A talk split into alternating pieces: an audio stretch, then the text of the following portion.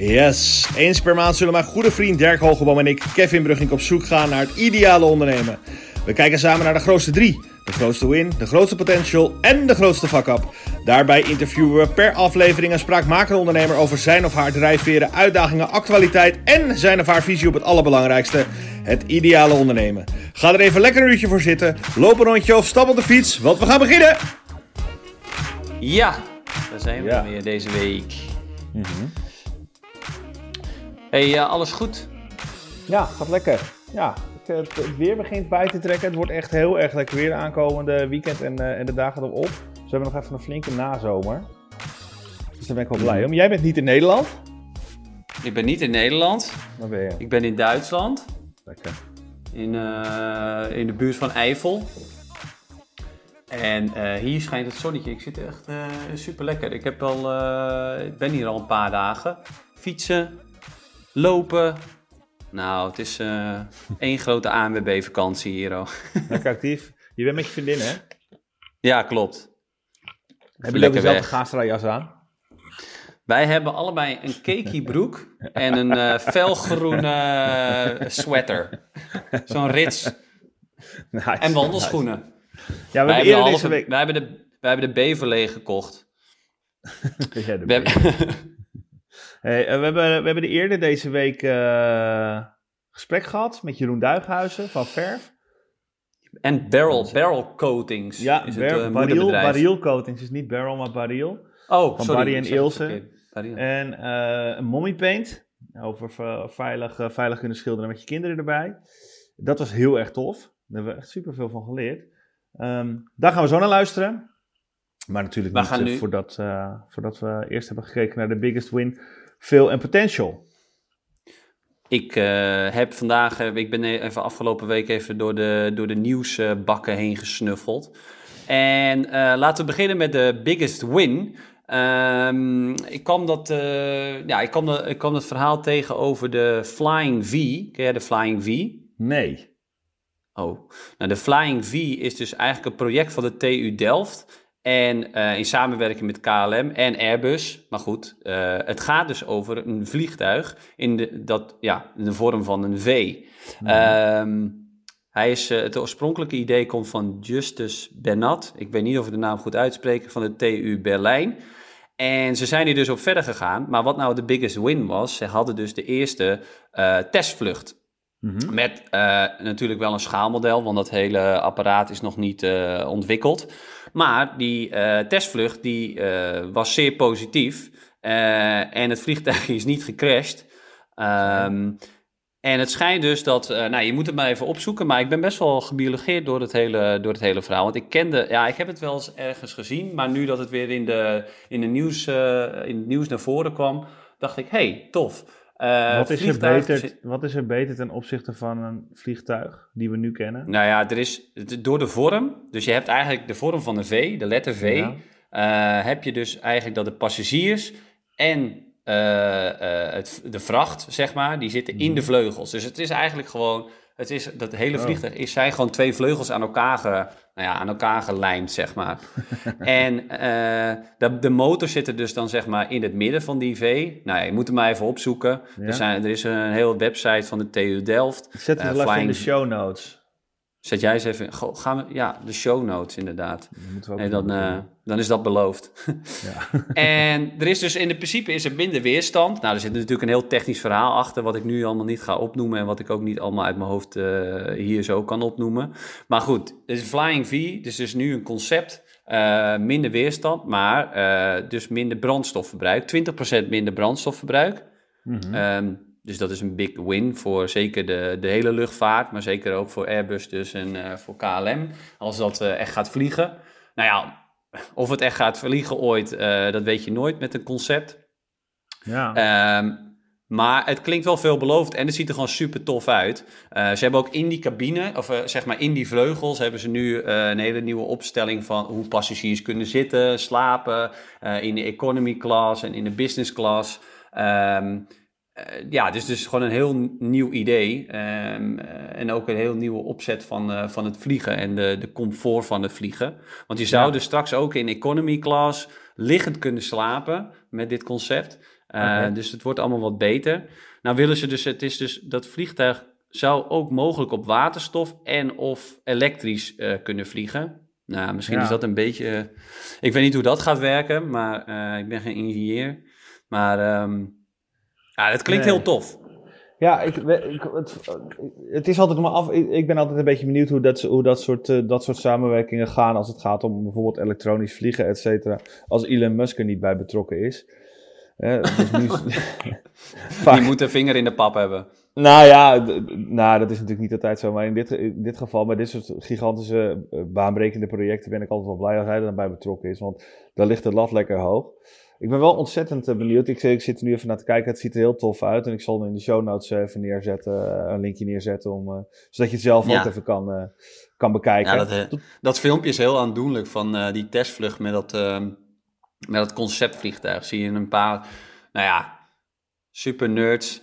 heel, heel, heel zenuwachtig met dat vliegtuigje naar buiten lopen. Je moet het even zien. Maar het is wel heel tof. Het is echt heel tof. Oké, cool. Hey, um, biggest fail. Gaan we gewoon gelijk naar de biggest fail. Van de biggest win naar de biggest fail. Mm Webwinkels zijn niet veilig. Uh, er is veel bestelfraude, of er is veel bestelfraude. Er is eigenlijk een onderzoek gedaan door Consumentenbond bij in ieder geval vijf, of meerdere uh, webshops. Bij, bij vijf grote webshops was het niet veilig, zoals bol.com, Bonprix, die ik eigenlijk niet heel goed kende, maar Plein, Weekamp en Zalando.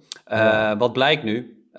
lang verhaal kort dus. Criminelen die kunnen dus eigenlijk, zodra ze je wachtwoord kennen, weten Um, is het heel makkelijk om pakketjes te laten bezorgen op een ander adres. Uh, waarbij ze dan uh, gebruik maken van later betalen optie. Je hebt er volgens mij Kla Clara, Klarna, nou weet Klarna heb je, ja. Ja, inderdaad. En uh, nou ja, is het dus heel simpel eigenlijk om nou ja, een pakketje bij welk willekeurig adres en jij krijgt de rekening achteraf. Um, en het is in principe gewoon lek op dat punt. Uh, daar heeft de Consumentenbond dus onderzoek naar gedaan. En die heeft ook gelijk aanbevelingen gedaan voor die webshops. Um, en uh, de meeste webshops die gaan er eigenlijk wel op in. Uh, Zalando zelf die zegt dat is allemaal geheim, dat lossen we zelf wel op. las ik in ieder geval in het artikel van de Consumentenbond. Maar hmm. het is wel interessant. Ja, ze moeten. Kijk, weet je, er ligt ook er ligt een verantwoordelijkheid voor de consument. Die gewoon inmiddels in 2020 niet zo dom meer moet zijn om overal hetzelfde wachtwoord voor te gebruiken. Ja, en aan de andere kant moet er gewoon veel meer gebruik gemaakt worden van two-factor. Dus waarin je gewoon op het moment dat je een wijziging doet, of in je, in je afleveradres, of in je e-mailadres, of in je wachtwoord, of, in je, eh, of, of, je gaat naar een betaling toe. Uh, net zoals dat je een betaling doet bij Ideal. Dat het gewoon altijd via je, met je telefoon moet je en dan een QR-code in, in ieder geval bij ABN moet je een QR-code scannen. Daar accordeer je hem. En dan is de betaling akkoord. En op het moment dat het two-factor is, desnoods per sms, dan kan het gewoon niet misgaan, weet je wel. En ik snap wel, dat zal... Ik vind het nog wel eens lastig. Ja, die, uh, dat two-factor, nee, dat two-factor is top. Dat two-factor is top. Maar weet je waar ik dus wel achter ben? Ik had dus eh, eh, een oudere telefoon van mij, dat was ook two-factor. En dan zat, dus, moest ik dus uh, Google Authentication had ik daarop geïnstalleerd. Mm. Maar dat zit dus eigenlijk vast dan aan je telefoon, op het zo, zo maar zeggen. Dus je moet niet vergeten, dus dat was volgens mij op een werktelefoon of in ieder geval werk slash privé telefoon. En daar heb ik dus die two-factor op geïnstalleerd, maar die heb ik nooit overgezet naar mijn nieuwe telefoon. Ja, klopt. Dus op dit moment kan ik dus niet in dat account. Maar dat soort dingen moet je dus je het wordt daar opgelost, maar het maakt het voor de consument eigenlijk best wel uh, uh, lastig. Je moet echt wel opletten. Het is niet dat je elke week natuurlijk je telefoon uh, van telefoon wisselt. Maar dat soort ehm, technische, daar zaalde je, technische oplossing, daar zaalde je dan de klant ook wel weer mee op. Ja, nou kijk, dat is, dat is een beetje een lullig antwoord, maar dat is natuurlijk ook weer even een ander probleem, weet je wel. Ik bedoel, je kan prima, uh, en daarom zeg ik ook sms eigenlijk, omdat iedereen dat heeft. Hè? Dus ik ja, snap wel dat je met je OneLogin of met je LastPass, dat het lastig is om, uh, om zo'n two-factor uh, SSO te, te maken. Of soort, soort mm -hmm. nou, niet SSO, maar in ieder geval om zo'n two-factor um, activiteit te starten. Maar ik denk, ik denk wel je, dat je, kijk, de enige reden waarom het niet gebeurt is alleen omdat die webshop willen zo makkelijk mogelijk een flow, weet je wel. Ze willen gewoon uh, ja, vul je naam in, je adres. Uh, liefst uh, dat, dat je Klarna nog even doet. Weet je wel, dus dat je ook niet meer hoeft te betalen. Dus die, die, die flow die heeft zo min mogelijk hobbels, zodat je je spullen zo makkelijk mogelijk koopt. En ik snap best wel dat die, kijk, die webshops, die zien natuurlijk gewoon een conversiedrop op het moment dat, dat ze two-factor moeten gaan gebruiken. Want 10% zal er natuurlijk inderdaad geen, geen bal meer van snappen. Dus ja, die, uh, die denken, nou zoek hem maar uit, uh, die paar vrouwen, dat zal wel. Ja, en het is ook niet echt het probleem van de webshop, want die krijgen die omzet uiteindelijk toch wel, snap je? Dus ja, ja. Dat is, uh, ja, dat achteraf betalen, dat Klarna is volgens mij hartstikke groot. Daar, hebben we, er zijn meerdere investeringen ja, ja, gedaan. Dus dat uitzetten gaat sowieso niet gebeuren inderdaad. Nee, maar volgens mij gaat Wekamp, daar wel goed op. Nee, maar Klarna kan toch ook gewoon een two-factor uh, implementeren? Maakt er niet uit. Of die payment nou uiteindelijk gebeurt of niet, ja, het zal wel. Snap je? Maar ja, dat, dat, dat boeit niet. Nee, maar wat jij zegt in de, in de funnel van een, uh, van een sale, om het dan maar even uh, zo, mhm. te gaan, uh, zo te noemen, mhm. is dus elke, elke drempel erbij ja. zorgt ervoor dat je dus ja, minder verkoop hebt uiteindelijk. Dus dat is ja, die balans moet je wel altijd vinden. Het is makkelijk om te zeggen, gooi alles dicht, je moet drie keer een sms sturen of drie keer een, een, een, een two-factor invullen voordat je uiteindelijk je pakketje bestelt. Hè? Nou, daar wordt uiteindelijk ook niemand blij van. Kijk, uiteindelijk als iedereen, kijk het punt is natuurlijk als iedereen straks two-factor moet, hè, dus als je gaat reguleren, ja, dat, dan, dan is het geen, dan, ja, dan maakt het niet meer uit, zeg maar. Dan is het bij iedereen een, een issue en dan gaan mensen het ook snap, makkelijker adopteren. Uh, de tools worden geoptimaliseerd, hè, dus dat je straks, uh, ik heb bijvoorbeeld ook dat je op het moment dat je dan uh, moet bevestigen dat je alleen een fingerprint hoeft te geven, ja, dat, dat, dat werkt natuurlijk beter, maar daar, dat moet gewoon weer eventjes in, in, de, in, de, in, de, in de mensen die hun spullen kopen via webshops. En vooral wat oudere mensen, ja, moet dat eventjes in het systeem getimmerd worden voordat, dat, voordat die conversiedrop weer een beetje gecompenseerd wordt. Waren overigens uh, als side note voor dit hele verhaal, want het is op zich wel een veel, ik heb het onder veel gezet. Er waren mhm. verder geen cijfers over uh, het aantal, uh, de, de hoogte van de bestelfraude die nu gedaan wordt. Er is in principe gewoon een steekproef gedaan, of een steekproef door een consumentenbond is er gekeken of het mogelijk was. En hun bevindingen waren in ieder geval uh, wat hem betreft uh, schrikbarend. Dat het heel snel, heel makkelijk mogelijk was. Maar het ging met name ook over, ja, als je een wachtwoord 1, 2, 3, 4 gebruikt. En dat werd op sommige webshops gewoon getolereerd. Um, ja, dan ben je op, op zich vrij snel binnen natuurlijk. Maar ja. dat ligt allemaal weer ook natuurlijk bij aan de ene kant bij de klant, bij de, die webshops moeten daar ook tegen beschermen. Ik bedoel, kom op, je kunt een, uh, de, de moeilijkheidsgraad van een wachtwoord is, uh, volgens mij is dat, uh, dat is in principe standaard, wat mij betreft. Um, dus ja, die verantwoordelijkheid ligt daar.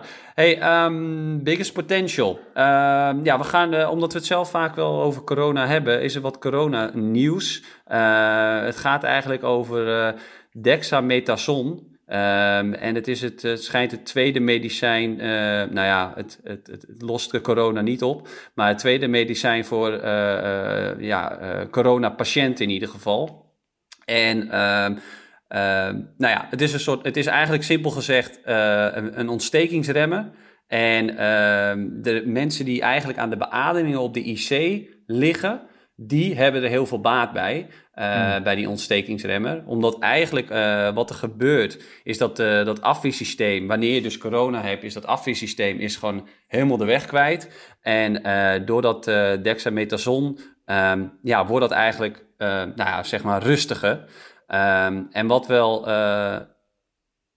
de, de, wat wel interessant is, is dat eigenlijk ehm, er was nog een, een medicijn, remdesivir. Uh, Dat eigenlijk ontwikkeld was door. Uh, dat is eigenlijk het eerste coronamedicijn. Ja, als ik coronamedicijn zeg, dan klinkt het alsof uh, of dit de oplossing gaat zijn. Maar dat is het dus eigenlijk allebei niet. Um, maar remdesivir was, werd eigenlijk ontwikkeld voor ebola. Maar werd dan, werd dan werd uiteindelijk niet toegepast. en toen hebben ze, zijn ze het gaan testen op SARS-virussen, zoals de corona of COVID-19. Mm En bleken dus eigenlijk goed te helpen. En wat wel interessant is, is eigenlijk dat die, um, uh, stond er, de voorzitter, dat is meneer Gommers, de, eigenlijk, dat is de voorzitter van de IC, sorry, van IC's. Die was er al heel positief over, um, over dat dexamethason. En het werd eigenlijk al toegepast op de IC-kamers. Ja. Ik weet niet hoe dat dan werkt, of je dat, ja, dat klinkt dan weer een beetje raar, want volgens mij het moest nog onderzocht worden. Uh, maar in ieder geval onderzocht worden of het uh, uh, ja, in heel Nederland, laat me zo zeggen, in IC's mag worden toegepast. Nou ja, we ja zijn voor corona of tegen corona bedoel je? ja, tegen corona. Het zorgt in ieder geval voor dat de cijfers zijn, dus dat, dat de 20% minder kans hebt op sterven als je op de IC ligt. Um, ja. En dat is dus best wel positief. Ja. Nou ja, meer dan positief, laten we het zo zeggen. Ja. Um, Ja, het werkt dus niet preventief. Dat wil ik er wel bij, uh, dat wil ik er nog bij zeggen. Nee, maar, ja, maar dat is ook gewoon. Ja, maar dat is natuurlijk een beetje het punt ook dat er wordt, wordt gezegd van ja, het is gewoon wachten op een vaccin. Nou, het is natuurlijk niet zo, tenminste, we gaan er maar niet vanuit dat we straks met 16 of 17 miljoen mensen naar een gymzaal moeten uh, en dan een prikje krijgen en nooit meer die griep krijgen. Dat gaat echt niet gebeuren, weet je wel. Het enige waar ze mee bezig zijn, is gewoon uh, proberen dat virus zo, uh, zo te, te, te, preventeren dat we niet meer op een ja. IC terechtkomen. Maar dat virus ga je er echt nooit meer uitkrijgen, dat, daar geloof ik echt niet in. Alleen, nee, dat, moet, dat moet ons lichaam... Nee, als de ziekenhuizen maar leeg blijven, weet je, als het gewoon maar handelbaar blijft, dan is het gewoon prima. En dat zal ongetwijfeld dan inderdaad bij dat soort, uh, soort eigenlijk een soort pret, pretnison... Uh, dat is het. ja, het is een soort Ja, daar is ook wel heel veel commotie onder, over vaak, hè, dat, dat prednison toedienen aan mensen. Nou, met infectieziektes vooral. Maar die, ja. de, de, dus de vraag is of dat je, weet je, dat, dat, gaat, dat gaat ons nooit immuun maken tegen dit soort uh, ziektes. En uh, het enige wat je kan hopen is dat er niet ergens in Azië nog een paar van die pannen staan te dampen waarvan gegeten wordt. En via de Italië-connectie weer COVID-21 in de maak is. Hè. Dus met een compleet andere samenstelling. Dat is het enige wat je kan hopen. Voor de rest moet je proberen om die ziekenhuizen zo leeg mogelijk te houden. En laten we hopen dat in ieder geval de mensen die er wel terechtkomen, die met dat, dat, dat die met dit medicijn geholpen kunnen worden. Ja, en dan een soort van vaccin-ish-achtig uh, spulletje kunnen komen. Dat op het moment dat je uh, positief test met je thuistest over een, over een jaar, dat je een, het bijgeleverde drankje kan nemen en vervolgens in ieder geval niet in het ziekenhuis terechtkomt. En wat, wat ik nog wel interessant vond, ja, TAW Pharma, die zit in ieder geval achter deze dexamethason. Uh, daar zou je nog even op kunnen zoeken. Ik weet niet wat voor bedrijf het is, maar dat is mm. voor hen in ieder geval uh, een mooie optie om dit, uh, dit product verder op de markt te brengen. ik weet, er zijn natuurlijk wel wat bijwerkingen, dus in die zin is het allemaal niet zonder gevaar in die zin. Ja. Ehm, het wordt ook al voor kankerpatiënten gebruikt. Um, daar heb ik me verder niet in, ingelezen. uh, ja, in de zin van, ik, ik, er zijn wel, er is, we zullen het ook in de show notes zetten, want er is een heel artikel over geschreven. Maar het zorgt in ieder geval voor dat de mensen die, uh, of je corona hebt of in ieder geval uh, kanker hebt, op het moment dat je in een vergevorderd stadium zit, heb je in ieder geval meer rust, heeft je lichaam meer rust. En ja. dat klinkt in ieder geval wel, als ik die, die beelden heb gezien van hoe mensen daar liggen, helemaal aan die beademing en, en van die kokons over hun hoofd, mm, ja, ziet het er best wel heftig uit. Ja, veel te heftig, ja.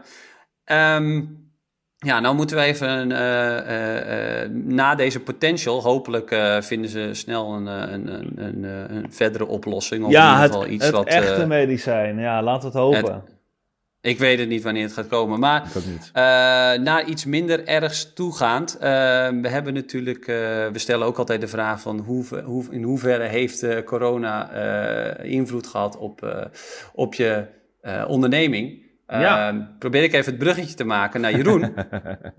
ja. dat is wel lastig uit zo'n uh, zo'n heftig onderwerp.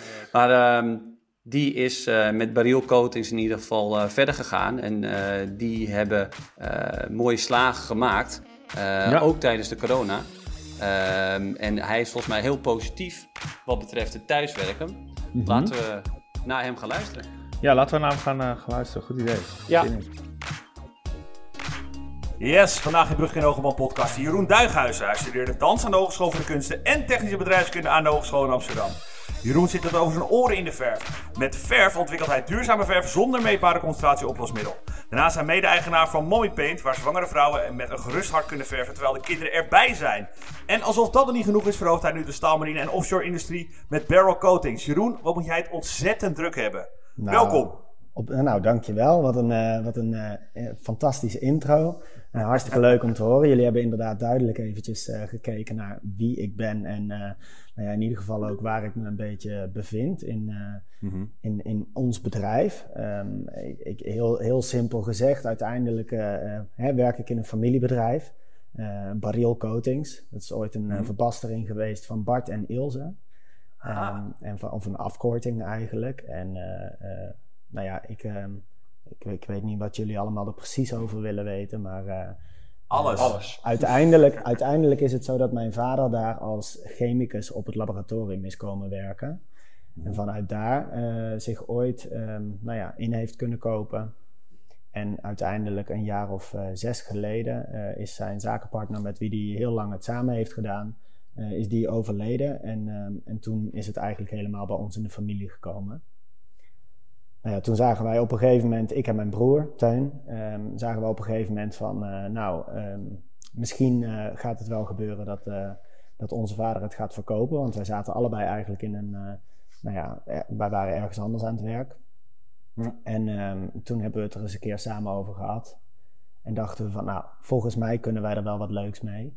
Um, en daar hebben wij wel zin in. Dus toen hebben we dat aangekaart. En nou ja, zo geschieden. Dus inmiddels zitten we er allebei een, een jaar of vijf fulltime in. En Tof. is dat hartstikke leuk, ja. Ja, wat had, je, had je andere plannen, Jeroen? Uh, want uh, zoals ik in mijn intro al, uh, al zei, heb jij ook dans gestudeerd aan de Hogeschool voor de Kunst? Ja, nou, ik heb um, eigenlijk sinds mijn zestiende loop ik sowieso af en aan rond in de fabriek. Dus heb ik altijd um, vakantiewerk daar gedaan en ook mensen van mijn opleiding altijd eigenlijk in de vakanties mee teruggenomen om mee daar vakantiewerk te komen doen. Mm -hmm. En um, ik heb inderdaad een aantal jaren in theater gewerkt, heb ik in musicals gespeeld. En um, uh, daar heb ik eigenlijk, nou ja, na een jaar of vier, drie, vier, dacht ik van, nou ja, het is, wat mij betreft is het goed geweest. Er waren geen producties waarmee ik, uh, uh, waar ik nog in wilde. Um, en toen ben ik in het bedrijf gaan werken. Toen heb ik wat verftechnologie gestudeerd, dus een NCOE-cursus. en vervolgens, um, toen kwam er weer een andere show naar Nederland, Billy Elliot. En toen dacht ik, oh, die moet ik ook nog even doen. En dat lukte. dus uh, daar heb ik voor geauditeerd. Daar ben ik vervolgens in gaan spelen. En Tof. uiteindelijk uh, daarna en tijdens die show dacht ik: oh ja, precies. Ik, ik wilde inderdaad het bedrijf in. Ja. dus toen ben ik daarna gestopt met auditeren en weer, weer het bedrijf ingegaan. Ja. ja, en dat was in Baril? Ja, ja. Maar, maar uiteindelijk is daar verf en uh, mommypaint uit, uh, uitgeboren, klopt dat? Ja, ja, en we hebben daarnaast hebben we natuurlijk nog meerdere merken. Hè. We, mer we, voeren ja. het, uh, het merk Baril voeren wij in de marine offshore industrie, machinebouw, staalbouw. Um, en en in de bouw, zeggen wij dan, daar voeren wij inderdaad de merken Copperant, Verf en Mommypaint. Ja. De, en, en, die richten zich op plantaardige verven, biobased producten. Um, waarmee we dus eigenlijk, um, nou ja, denken een volgende stap te kunnen gaan zetten in nou ja, het, het vergroenen van die verfplas die we nou ja, over de hele wereld eigenlijk uitspreiden. Hè. Kijk maar om je heen en uh, op, bijna overal zit verf op. Ja. Um, nou ja, als we dat plantaardig kunnen maken, hè, dan kunnen wij een hele grote bijdrage leveren aan, nou ja, aan, aan het hele milieuvraagstuk. Ja, precies, want, want de verf zoals wij dat kennen, zeg maar de, de, de good old verf, die is eigenlijk voorzien van, uh, kan ik zeggen, fossiele, fossiele, fossiele middelen? Ja, verf, de, de hele verfindustrie die leunt echt op de, op de olieindustrie. Hè? Dus er zit bijna overal, uh, of nou ja, eigenlijk overal zitten fossiele materialen in.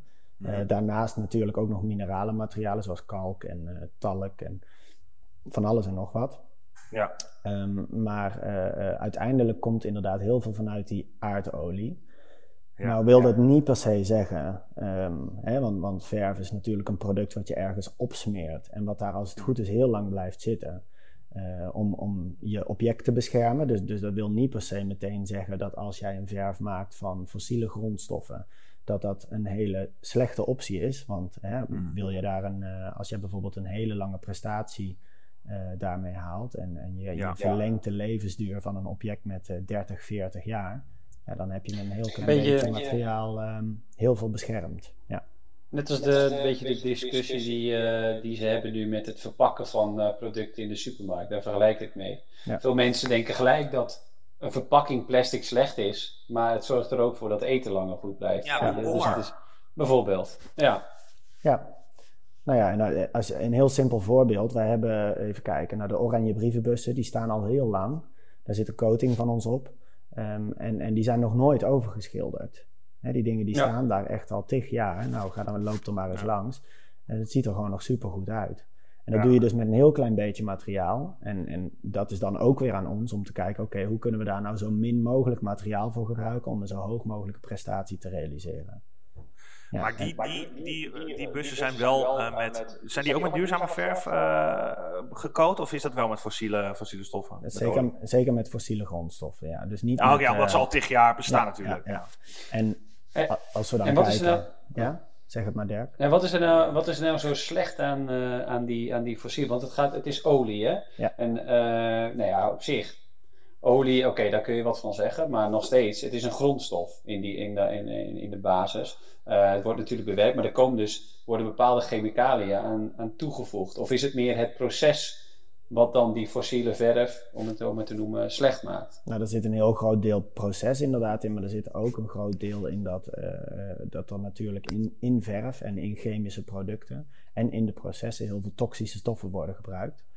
Um, mm. uh, als je dan kijkt bijvoorbeeld, uh, als jij een oplosmiddelhoudende verf bijvoorbeeld, daar, uh, dat is vaak een, een, een, dispersie van allemaal kleine plastic bolletjes. En tijdens het opdrogen um, versmelten eigenlijk die plastic bolletjes met elkaar tot een, tot een laag. Um, yeah. Ja, maar om dat te realiseren heb je in die verf heb je oplosmiddel nodig. Nou, dat is een, een, ook een, een fossiel product. oplosmiddel, dat dampt vervolgens weer in jouw leefomgeving uit. En dat is schadelijk voor ons. Dus dan um, uh, krijg je eigenlijk dus constant schadelijke stoffen in jouw leefomgeving. We hebben uh, door middel van het plantaardig bindmiddel wat wij gebruiken, hebben wij dus alleen maar water nodig in die verf. Dat betekent dus ook dat als die aan het drogen is, dan dampt er alleen maar water in jouw leefomgeving. Nou, daar hebben wij geen last van, heeft niemand last van. Um, nee. Dus, dus je, je maakt het daardoor gewoon een stuk gezonder. Voor, ook voor een schilder, hè, ook voor de klant. Je kan meteen um, uh, jouw slaapkamer kun je direct gebruiken s'avonds. Heel ja. veel mensen weten niet dat als je een, een, watergedragen verf op basis van een fossiel bindmiddel, hè, als je die gebruikt, dan dampt daar nog twee weken lang ongeveer oplosmiddel uit. Zo. Want ook een watergedragen gewoon haai in je bed. Nou ja, ja bij wijze van. ja. Want ook een watergedragen verf, daar zit heel vaak nog een onderdeeltje oplosmiddel in. Zodat al die plastic bolletjes samensmelten. Aha. Ja. ja. Nee, als, stel je nou voor dat, uh, dat we nu besluiten om, uh, om eventjes voor wat van je postbussen nog naar voren te, van de postbussen nog naar voren te halen. Uh, stel je voor dat we nu besluiten om ze allemaal blauw te maken en we gaan ze verven met duurzame verf. Zou het kwalitatief dezelfde kwaliteit leveren? Nee. Nee, maar dan heb je het dus ook over een andersoortige toepassing. Okay. He, dus als wij kijken naar bouwverven, dus voor, de, voor, voor huistuin en keuken, dan kunnen wij daar gewoon een, een vergelijkbare uh, kwaliteit neerzetten. Ja. He, en dan heb ik het echt over de hoge kwaliteit merken uh, waar, ja. waar, wij ons mee vergelijken. Um, mm. en, dan, en als je kijkt naar, uh, hè, want wij proberen natuurlijk zeker met de kennis die we op hebben gedaan, inmiddels met onze merken die plantaardige grondstoffen gebruiken, kijken we natuurlijk verder. Kunnen we dit ook in industriële toepassingen verwerken? Ja. Um, hè, en dus, dus zeker, daar heb je bijvoorbeeld al uh, ja, plantaardige onderdelen in epoxy coatings, waar je ja. dus wel gewoon al ja, biobased gehalte toe kan gaan voegen. Hoe, hoe doe je dat eigenlijk? He, jullie, zijn daar, jullie hebben een probleem gezien en, en vervolgens zegt, nou oké, okay, laten we proberen om dit duurzamer te maken, om er in ieder geval gezondere verf van te maken, om het zo te noemen. Hmm. waar, waar begin je dan? Nou, eigenlijk is dat bij ons begonnen toen wij, uh, wij, wij zaten voorheen zaten we helemaal niet in de bouwverven. En in, alleen maar in de industrie en in de staalbouw. En in 2007 ja. kochten wij een, uh, een fabriek ter uitbreiding uh, waar ze ook bouwverven maakten. Maar dat, dat, dat, dat, daar zagen wij aan dat dat al jaren eigenlijk aan het krimpen was. Het werd steeds minder. Het was, het was eigenlijk vlees nog vis. Ja. Um, en toen zijn we eens naar die verfjes gaan kijken. En toen in 2010, toen is er uh, wat re regelgeving veranderd rondom uitstoot in de leefomgeving. Hè, dus watergedragen verven moesten toen uh, binnen gebruikt worden. Um, dus toen moest iedereen in één keer andere verf gaan maken. Uh, dat konden wij, dat hebben we gedaan. Maar ja, dan ga je jezelf maar eens bewegen tussen de giganten. Ja. Um, en toen dachten we, ja, daar moeten we iets anders mee, mee doen. En toen vervolgens um, kwam er in één keer een bindmiddeltje voorbij op basis van uh, soja. Toen dachten we, oh, daar zit, daar zit de grondstof uit soja in. Laten we eens kijken of dat we daar iets mee kunnen. Nou, ja. en, en, zo is eigenlijk een beetje het balletje gaan rollen. Uh, wij, wij hebben al hè, vanuit, uh, ik, ik heb altijd duurzaamheid een beetje met de paplepel ingegoten, oh ja, of meegekregen. Hoe zeggen we ja. dat precies? Um, ja, met de paplepel ingegoten, met prima. Met de paplepel ingegoten. en ehm, aan de keukentafel meegekregen, dat is hem. En, ah, ja, ja, ja. Uh, ja mijn, mijn, vader die is chemicus, dus die probeert altijd dus, ja, zoveel mogelijk uit die grondstoffen die beschikbaar zijn te halen. Ja. En um, dat, dat zit er dus altijd al een beetje in. Uh, en, en, en, toen zijn we ja, eens verder gaan kijken van, goh, kunnen we nou dat biobased gehalte, dat plantaardige gehalte, kunnen we dat nou omhoog uh, gaan brengen in die verf? Nou, we zitten nu, zitten wij ongeveer op zo'n 40 tot 60 procent wat biobased is. En dan zitten er daarnaast zitten er nog um, uh, natuurlijk natuurlijke grondstoffen bij, hè, zoals de minerale grondstoffen. En dan heb je nog, nog steeds hebben wij ook nog een, een deeltje wat wij nog niet um, plantaardig kunnen krijgen in onze verven. Um, omdat wij graag die professionele prestatie willen halen. En dat is een constant ja, getouwtrek tussen je grondstofleveranciers. Van hey, heb je hier al een alternatief voor? Heb je daar al een alternatief voor? En dat geldt voor beide, dat geldt ook voor verf en mommy paint? Ja. Ja, ja oké. Als je bijvoorbeeld, kijkt, naar, als je bijvoorbeeld uh, kijkt naar kleurpigmenten, um, dan uh, kun je daar nog, uh, ja, je kunt wat kleuren maken vanuit minerale pigmenten. Maar daar kun je niet, ja, daar kun je niet het hele brede spectrum van maken. En um, ik vind altijd, Kijk, duurzaamheid is natuurlijk een enorm groot goed en, en we moeten natuurlijk proberen om zo snel mogelijk die transitie te realiseren. Maar we hebben te maken met um, een consument die bepaalde dingen verwacht. Dus als ja. die een felgele kleur op de muur wil, of uh, als die een uh, super donkerblauwe kleur op de muur wil, en dat lukt niet met minerale pigmenten, dan zullen ze uitwijken naar een ander product.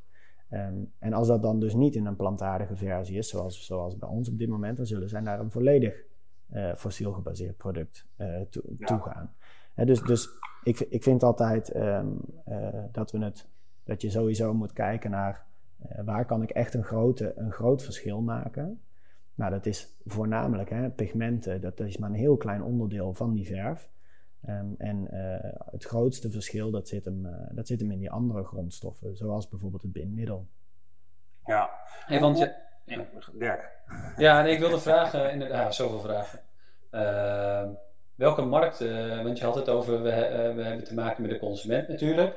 Ja. de vraag, dat is natuurlijk allemaal op basis van, ook al, van landen. Dus ik vroeg mij af, wat zijn de smaken en welke landen bespelen jullie nu? Vanuit, die, vanuit jullie, nou vanuit Barrel dan zeg maar, of vanuit het hele concern? Ja, nou, vanuit, ja, vanuit het hele concern zitten we best wel in veel landen, maar dan hebben we het wel echt over de industrie en de machinebouw. En wij hebben een distributielocatie in Polen, Roemenië, Ierland. Dan hebben we nog een, een, een fabriek, een joint venture in Amerika.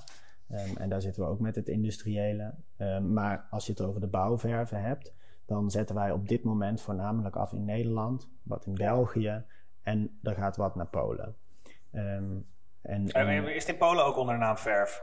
Nee, nee. Nee, oké. Okay. Want dat is nogal, dat is natuurlijk de naam die verkoopt in Nederland en België natuurlijk prima. Maar ik, heb je al een andere, andere, een andere bedenksel op Paint uh, bedacht? Nou, eigenlijk denk ik, um, als wij het uh, verhaal dermate goed neerzetten. Hè, ja. Farrow en ball betekent natuurlijk ook niks. Uh, of in ieder geval niet, niet in de vorm zo, zoals verf dat doet. Uh, nee. Nike waarschijnlijk ook niet. Dus, dat, dus dat, uh, als wij dat goed genoeg doen, dan kunnen wij denk ik heel goed ook het merk verf voeren in, uh, in andere landen. Ja. En, dat, en dat gewoon als een stukje, stukje uitleg op de website vermelden.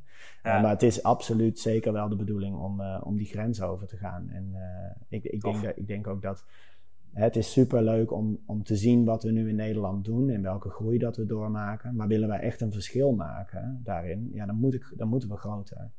Hè, dus dan, ja. dan moet het gewoon veel meer mainstream worden. En dan, uh, ja.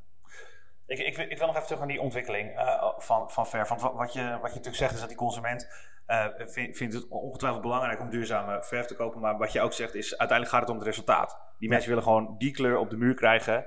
En, uh, uh, en hoe dat dan uiteindelijk gaat, dat, dat doet er dan niet meer zoveel toe. Maar het zou mooi zijn als duurzame verf het ook kan. Maar wat je vertelt is, nou oké, okay, uh, niet alle pigmenten kunnen we behalen. En als je daar eens gaat kijken, die ontwikkeling, hoe, hoe, ver, hoe ver ben je dan? Hoeveel rek zit daar nog in?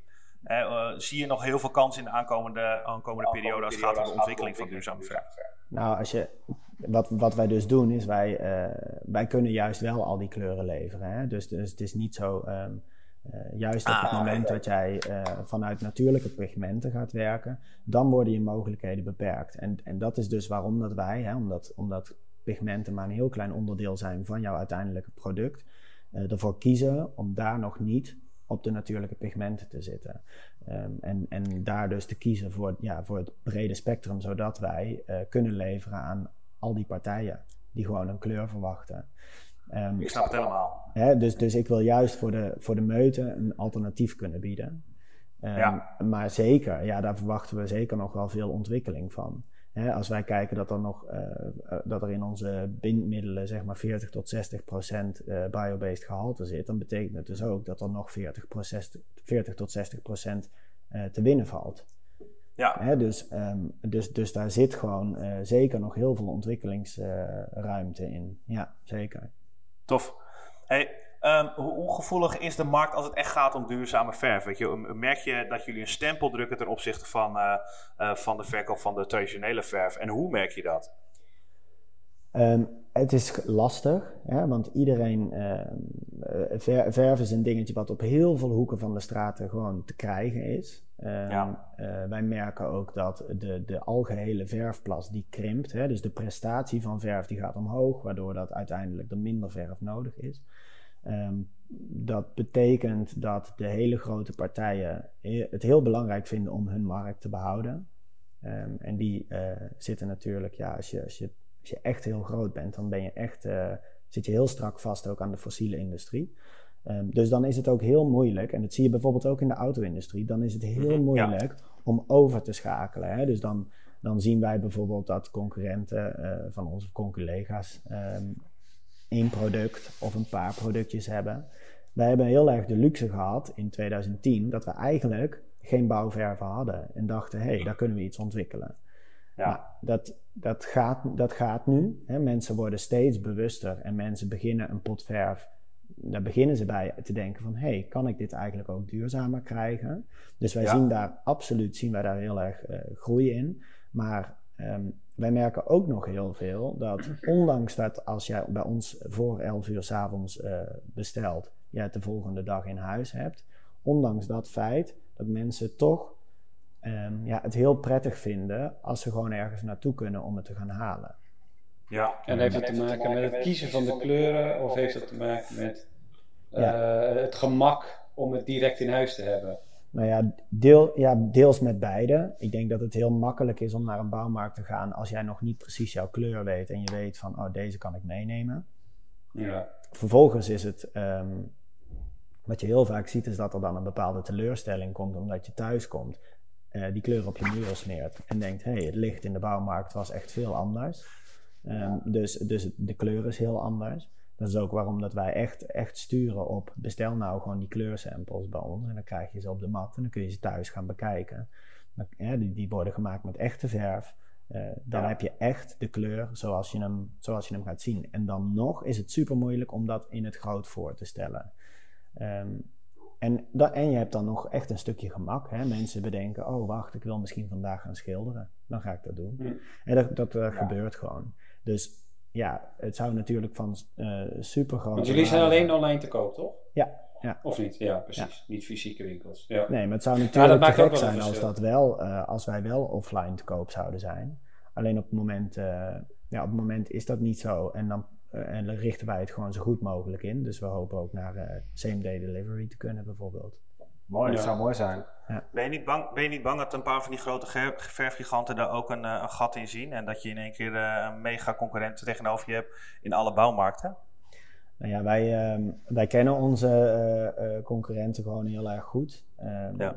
daar, daar, hebben we, daar is ook gewoon, hè, via de VVVF is daar ook gewoon contact mee. Tegelijkertijd hebben we natuurlijk ja, heel veel contact met de markt. En uh, wat ik al zei, ja, dat, dat, kan gebeuren. Het kan gebeuren dat er in één keer iemand tegenover ons staat die zegt: Hé, hey, ja, we hebben ook, een, uh, we hebben ook hele mooie producten en, en uh, misschien kunnen jullie dat groter wegzetten. Uiteindelijk, ja. Um, ja dat, Hoe zit dat, met, met intellectueel eigendom dan op dit gebied? Kun je dat patenteren of, of, of ja, hoe moet dat noemen? Patenteren ja, misschien? Patenteren. Ja. Nou, in principe niet. Eigenlijk, nee. Wij, ehm, wij maken het, is net als dat jij jouw uh, pannenkoekenrecept uh, zeg maar niet kan patenteren. Jij, jij, mm. jij koopt jouw grondstoffen in en daar kan iedereen iets anders van maken. Hè. Er, zit een snufje peper en een snufje zout in en dat doet iedereen op zijn manier. maar in mm. principe zijn die, ja, dan, dan, dan, moet je in, dan moet je eigenlijk de hele keten in ja, uh, vast, vast gaan leggen eigenlijk. Of, of zelf in, in handen hebben. Hè? Wil je dat allemaal kunnen beschermen? Ja. Nou ja, ik, ik, ja, het is fijn dat je het inderdaad zo uitlegt. Ik dacht dat het misschien zou kunnen. Jouw, jouw vader is natuurlijk chemicus geweest. En je, je ziet wel eens... Ehm, eh, in de voedselindustrie gebeurt het volgens mij nog wel eens dat een, een chemicus die, die, die vindt wat uit of een bepaald bindmiddel, dat is de eerste die dat ontdekt. Dan zou je eigenlijk dat moeten patenteren. Die manier van, hoe zeg je dat, bewerken of die manier van uh, maar dat kan dus eigenlijk in jullie geval niet. Nee, het is, e-, is, echt heel erg lastig. We hebben, we hebben een gepatenteerde technologie, maar die zit bijvoorbeeld op de oranje brievenbussen. Uh, dat, dat, is, uh, dat is Dual Cure. wij, wij hebben daar een, een, een, een, technologie die met twee componenten samen en de derde component is eigenlijk het vocht uit de lucht gaat reageren. Um, en die reactie, die is inderdaad, ja, die hebben wij kunnen, kunnen patenteren. Uh, Waarmee je dus een extreem lange levensduur krijgt met een extreem uh, kleine laagdikte. Tof. Ja. Uh, hoe, hoe, jullie, ehm, hoe jullie de doelgroep met, met bewustzijn van, joh, denk nou eens na voordat je verf gaat kopen. Want ik, ik merk als ik ga kijken naar mijn eigen gedrag, uh, houd ik me op dat moment dat ik een bepaalde kleur wil of ik zie iets, me niet zo meer bezig met het, met het feit duurzaamheid. Weet je, van is dit wel goed om op een muur te plakken? Terwijl dat moet eigenlijk wel. Ja, hoe, ja dan zit je weer met die Hoe voelen jullie dat? Ja. nee, nee, nee, maar hoe voelen jullie dat? Nee, want ze kunnen dat al uh, gewoon leveren. Maar hoe, hoe voelen jullie dat van, hey, denk, denk eens aan, aan duurzaamheid voordat je, voordat je verf koopt? Wat is, wat, is de, wat is het plan daarachter? Nou ja, dat heeft natuurlijk gewoon uh, voor mij heel erg te maken met dat wij een website hebben die het ontzettend makkelijk maakt waar je de informatie kan vinden. Uh, onze nieuwe website die komt komende woensdag uh, online. En, en daarnaast moet het heel erg makkelijk zijn om inderdaad die, die verkoop gewoon plaats te laten vinden. Dus als ja. over het algemeen, als jij, ik, ik, denk, ik denk wel als mensen bij ons terechtkomen, dan hebben ze er vaak al over nagedacht. Um, uh, maar hoe krijg, ik nou, hoe krijg ik die mensen die dus gaan schilderen, hoe krijg ik die nou voordat ze gaan schilderen eigenlijk in contact met ons bedrijf? Nou, we hebben, uh, we hebben een conceptje opgezet, dat zijn de verfspots. Uh, dat zijn offline touchpoints. dat zijn winkels, inspirerende zaken. het kan een, kan een leuke, mooie kapperszaak zijn. Dat kan ook een interieurzaak zijn. Dat kan van alles zijn. Um, en dat zijn bewuste winkels die zeggen: hey, ik wil um, mezelf in ieder geval profileren, dat ik uh, duurzame gedachten heb en dat ik die uitdraag en dat ik die invul. Um, dus dat betekent dat wij bijvoorbeeld een Hutspot-winkel in Amsterdam of de Meetwinkel in Amsterdam. Hutspot heeft overigens veel meer vestigingen in Rotterdam, Eindhoven. Mm -hmm. ja. hè, die, die worden geschilderd met verf. Uh, vervolgens worden die, die, die muren die worden gebrand met verf, plantaardige verf. QR-code erop. En dan kun je dus bij ons op de website komen. Er zijn dus allemaal plekken waar mensen komen die geïnspireerd willen raken over interieur. Uh, om vervolgens, uh, nou ja, ze, ze, misschien al daarvoor in contact te hebben met verf. Ja, op de plekken waarvan jij al weet, deze mensen zijn bezig met duurzaamheid, deze mensen zijn bezig met goede voeding, et cetera. Je hebt een profiel van de mensen. Oké, okay, dit is mijn, en dit is mijn topconsument. Met, uh, met, met wonen en met interieur. Ja. Ja, ja, ja. En dat is wel, en dat is, wel uh, is die keuze om, om dat offline te doen bewust geweest? Of is het uh, uh, voor jullie, hebben jullie ook een online campagne lopen op Instagram, TikTok, whatever, zeg maar? Nee, op het moment hebben wij, omdat onze website dus pas komende woensdag online gaat, hebben we dus op dit moment geen online campagnes lopen.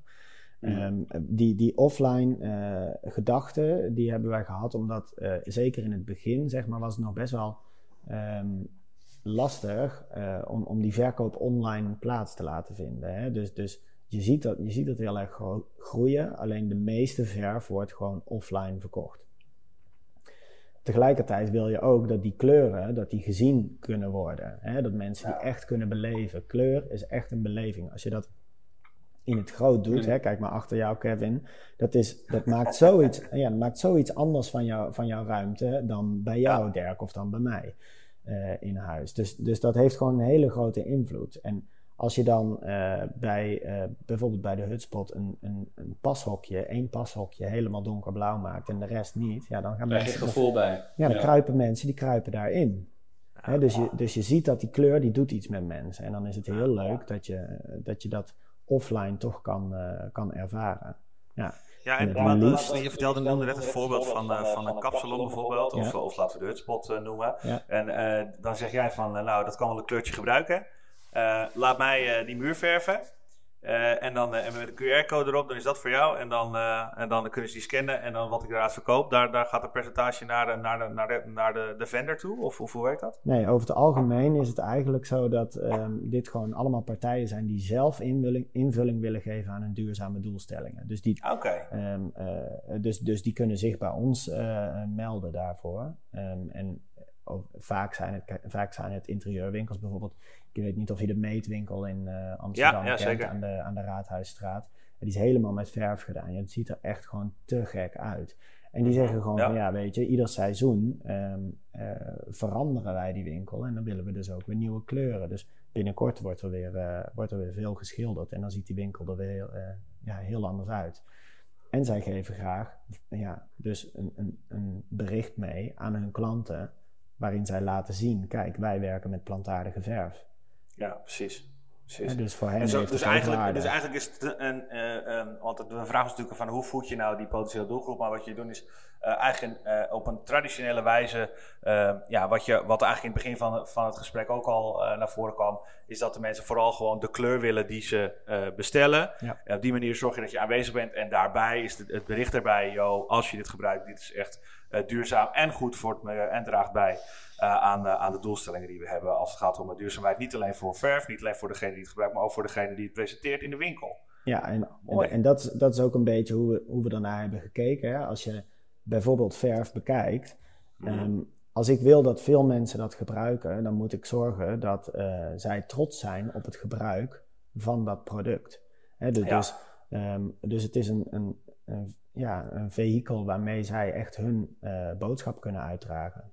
Ja, als ambassadeurs. Ja, ja. Ja, ja precies. Hey, um, en toen kwam in uh, maart, als ik me niet vergis, ja maart hè, kwam de coronacrisis uh, om de hoek kijken. Ja. En heeft, dat, heeft dat iets veranderd voor jou als, als ondernemer en voor jouw onderneming? Nou, als ik kijk dan naar de hele, naar de hele organisatie, voornamelijk, ik weet, ik weet nog dat ik in februari de salaris aan het overmaken was en dat ik dacht, jeetje, dit zul je maar moeten doen. Hè? Toen zagen we het natuurlijk al in het buitenland, zagen we al wat dingen gebeuren.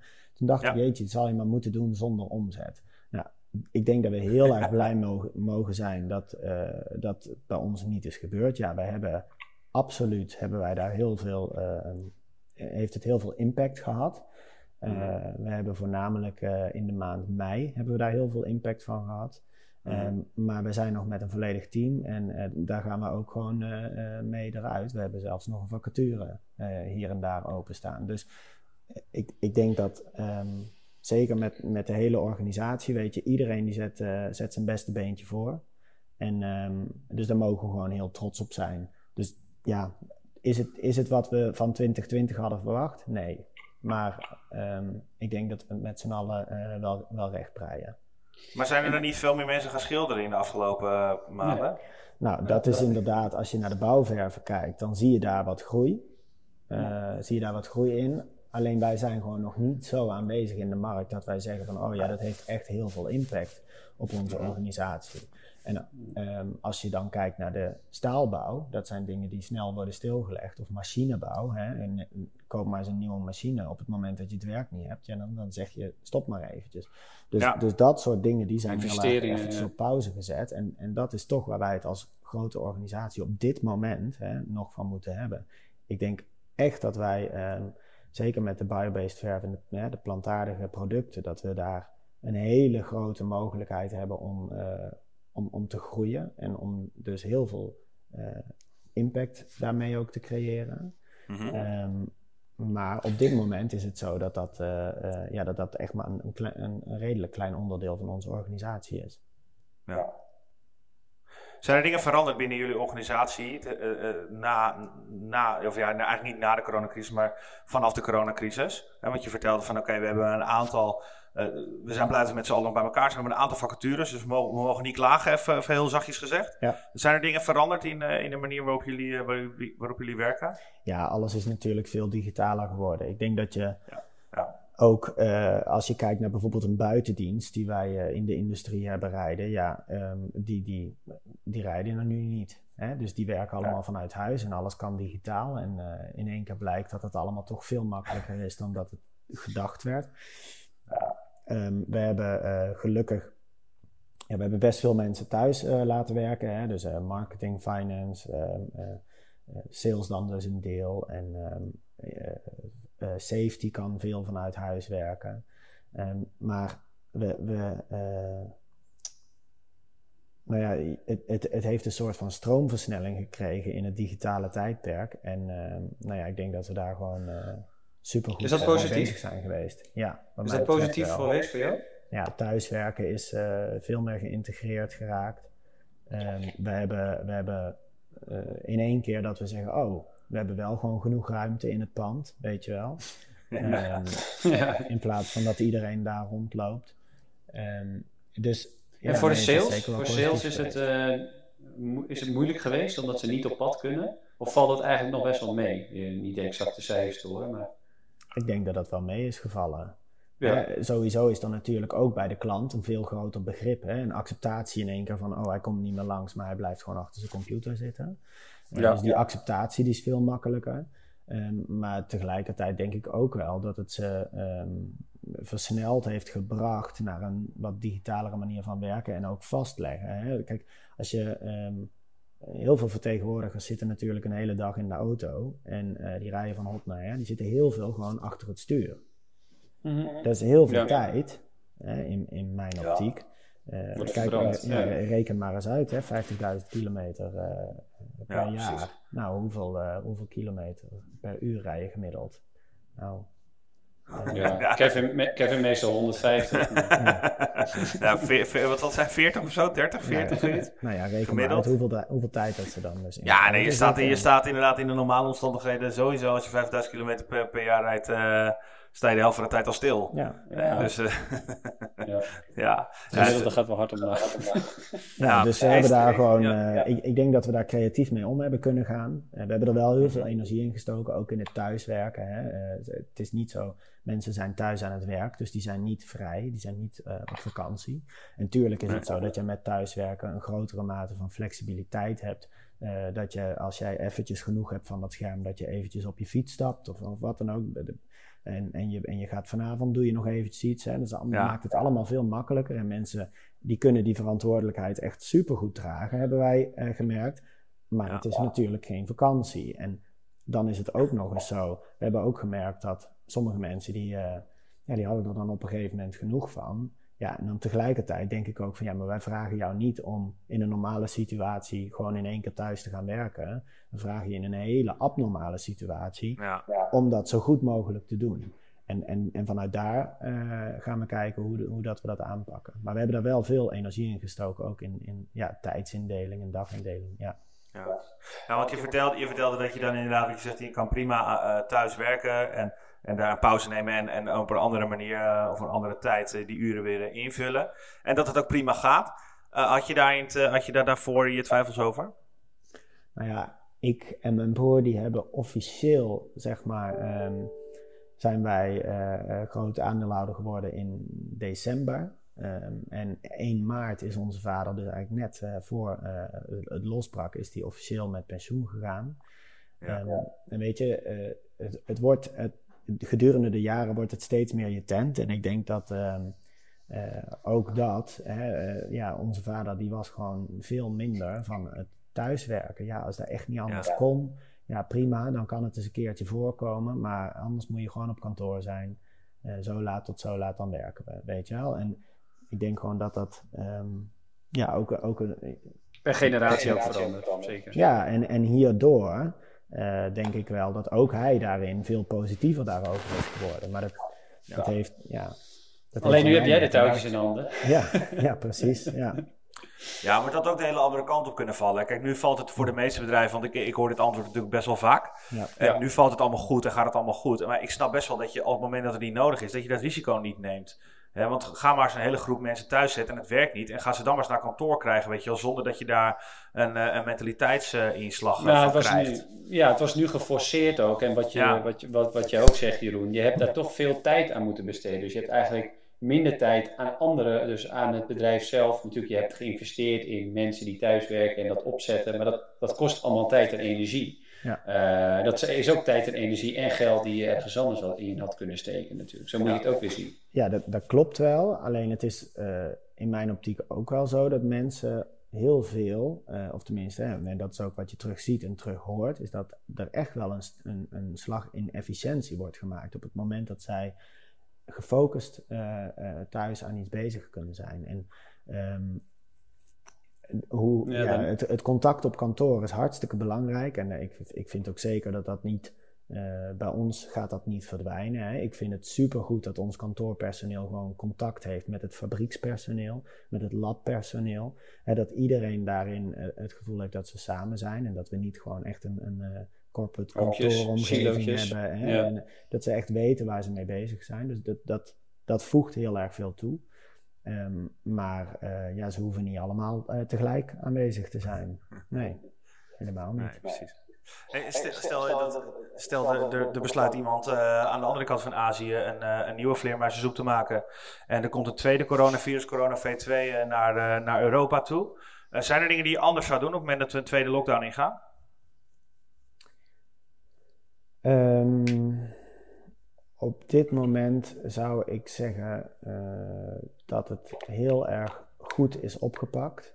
En ik ben echt heel erg tevreden over hoe de hele organisatie dat uh, heeft aangepakt. Dus uh, ik zou daar denk ik nee op zeggen. Nou, dat klinkt in ieder geval goed. Ja. Wat, vind je zelf, wat vind je zelf van het huidige beleid?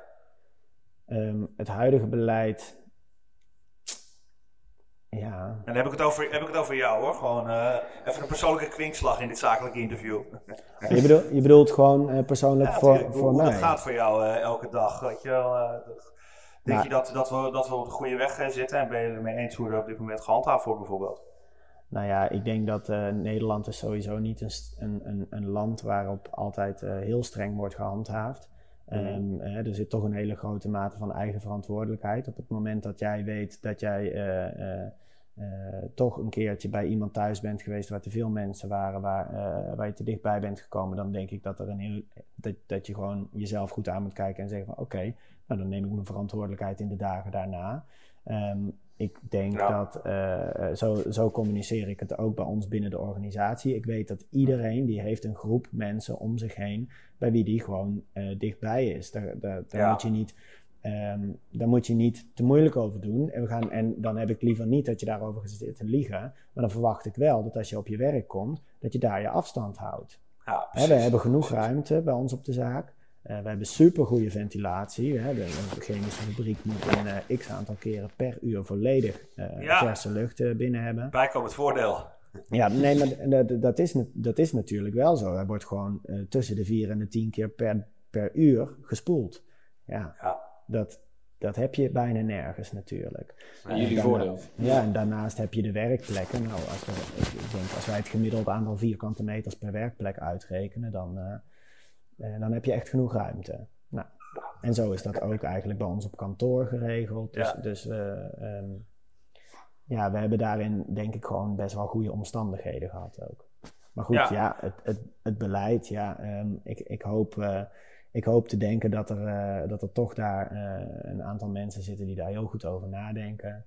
En uh, nou ja, weet je, het is toch zoals het is. Daar hebben wij niet zoveel invloed op.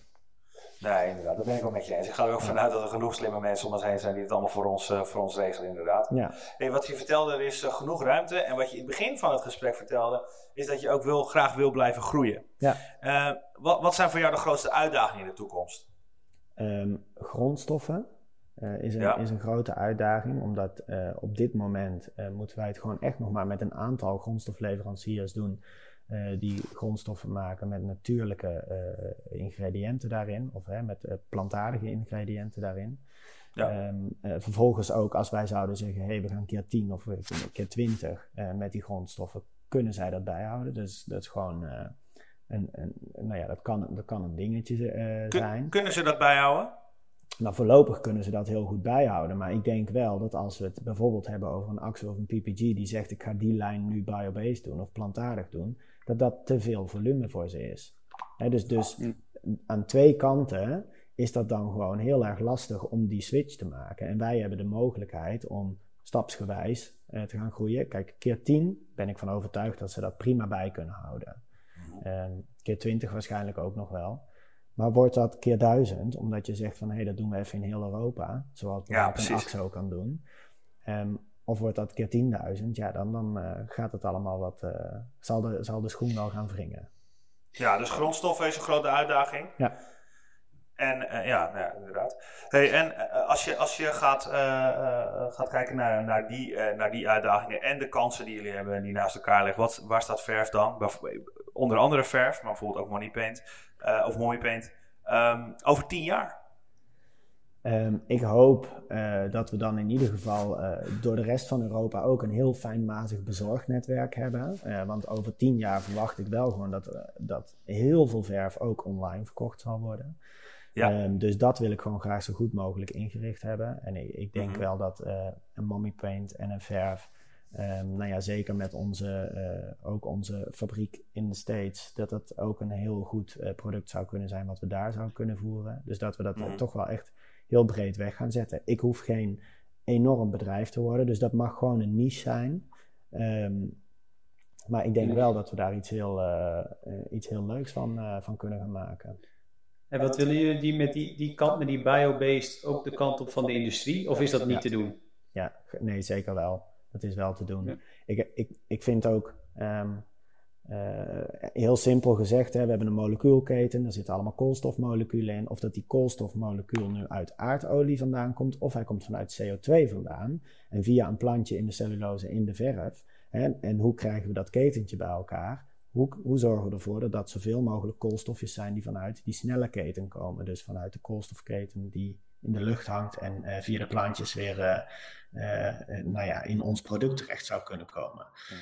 Ja. Op het moment dat we dat um, dus goed weten te doen, ook in de industrie, en we, en we kunnen daar echt goed mee spelen, dan kan je met de verfindustrie in zijn geheel, kun je echt een enorme slag slaan in het wegwerken van bepaalde biomassa. Hè? Als, mensen, er komen steeds meer mensen op de aarde, er komt steeds meer plantaardig afval, hè? want mensen gaan ook uh, plantaardig eten. Uh, dus, dus we krijgen steeds meer. Uiteindelijk krijgen we die grondstoffen, die krijgen we gewoon. Mm hè? Dat, en dat gaat dan ofwel een biomassa-centrale in, of we kunnen er iets van maken. En als we die chemie goed onder controle krijgen, want dat is, chemie wordt vaak toch als een, als een soort van eng dingetje gezien.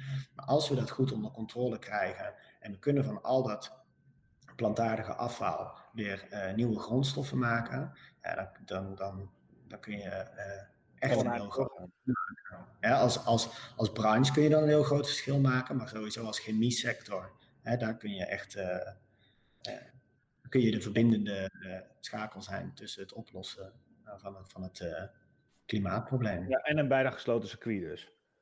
Ja. ja. ja. Jeroen, uh, wat is voor jou, want dit is een beetje de hamvraag van deze podcast. Oh, wat is, die komt hier hoor, ga er even goed voor zitten. wat is voor jou het ideale ondernemen, Jeroen? Um, dat ik gewoon uh, uh, lekker door mijn bedrijf loop, dat ik mensen zie lachen, uh, dat zij hun kinderen lekker naar school hebben en um, iedereen een huisje, nou, wat, ze, wat ze zelf maar voor ogen hebben, kunnen hebben.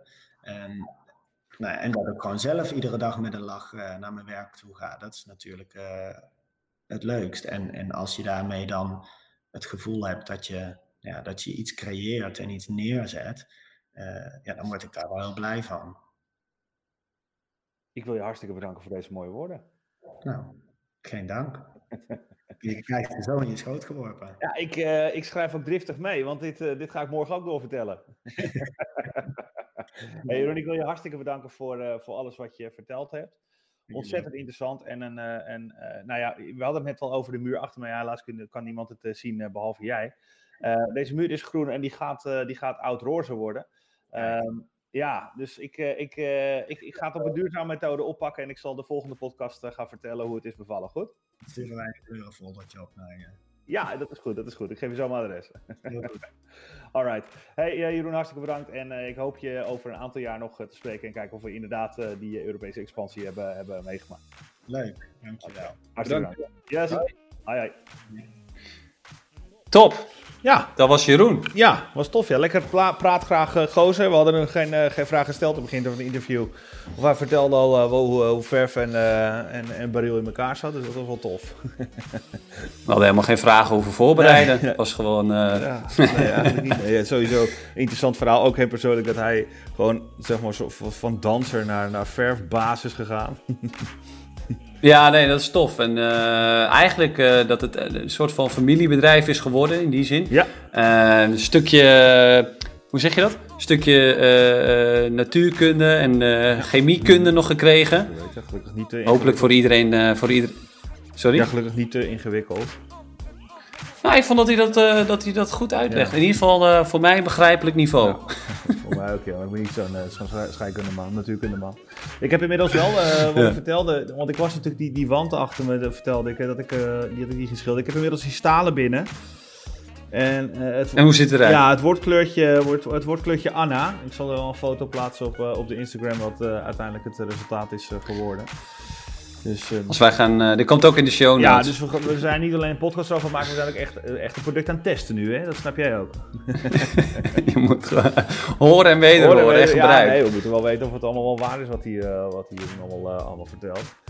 Hey, over... ga, jij gewoon een week, ga jij gewoon een week in je kamer liggen en dan kijken of je, of je niks ruikt qua chemicaliën? Ja, ja, inderdaad. En of ik er niet ziek word of ik er niet schoor van word. hey, over praten gesproken volgende podcast, volgende maand, uh, Schoenmaker hè, van, uh, van Pieter Pot.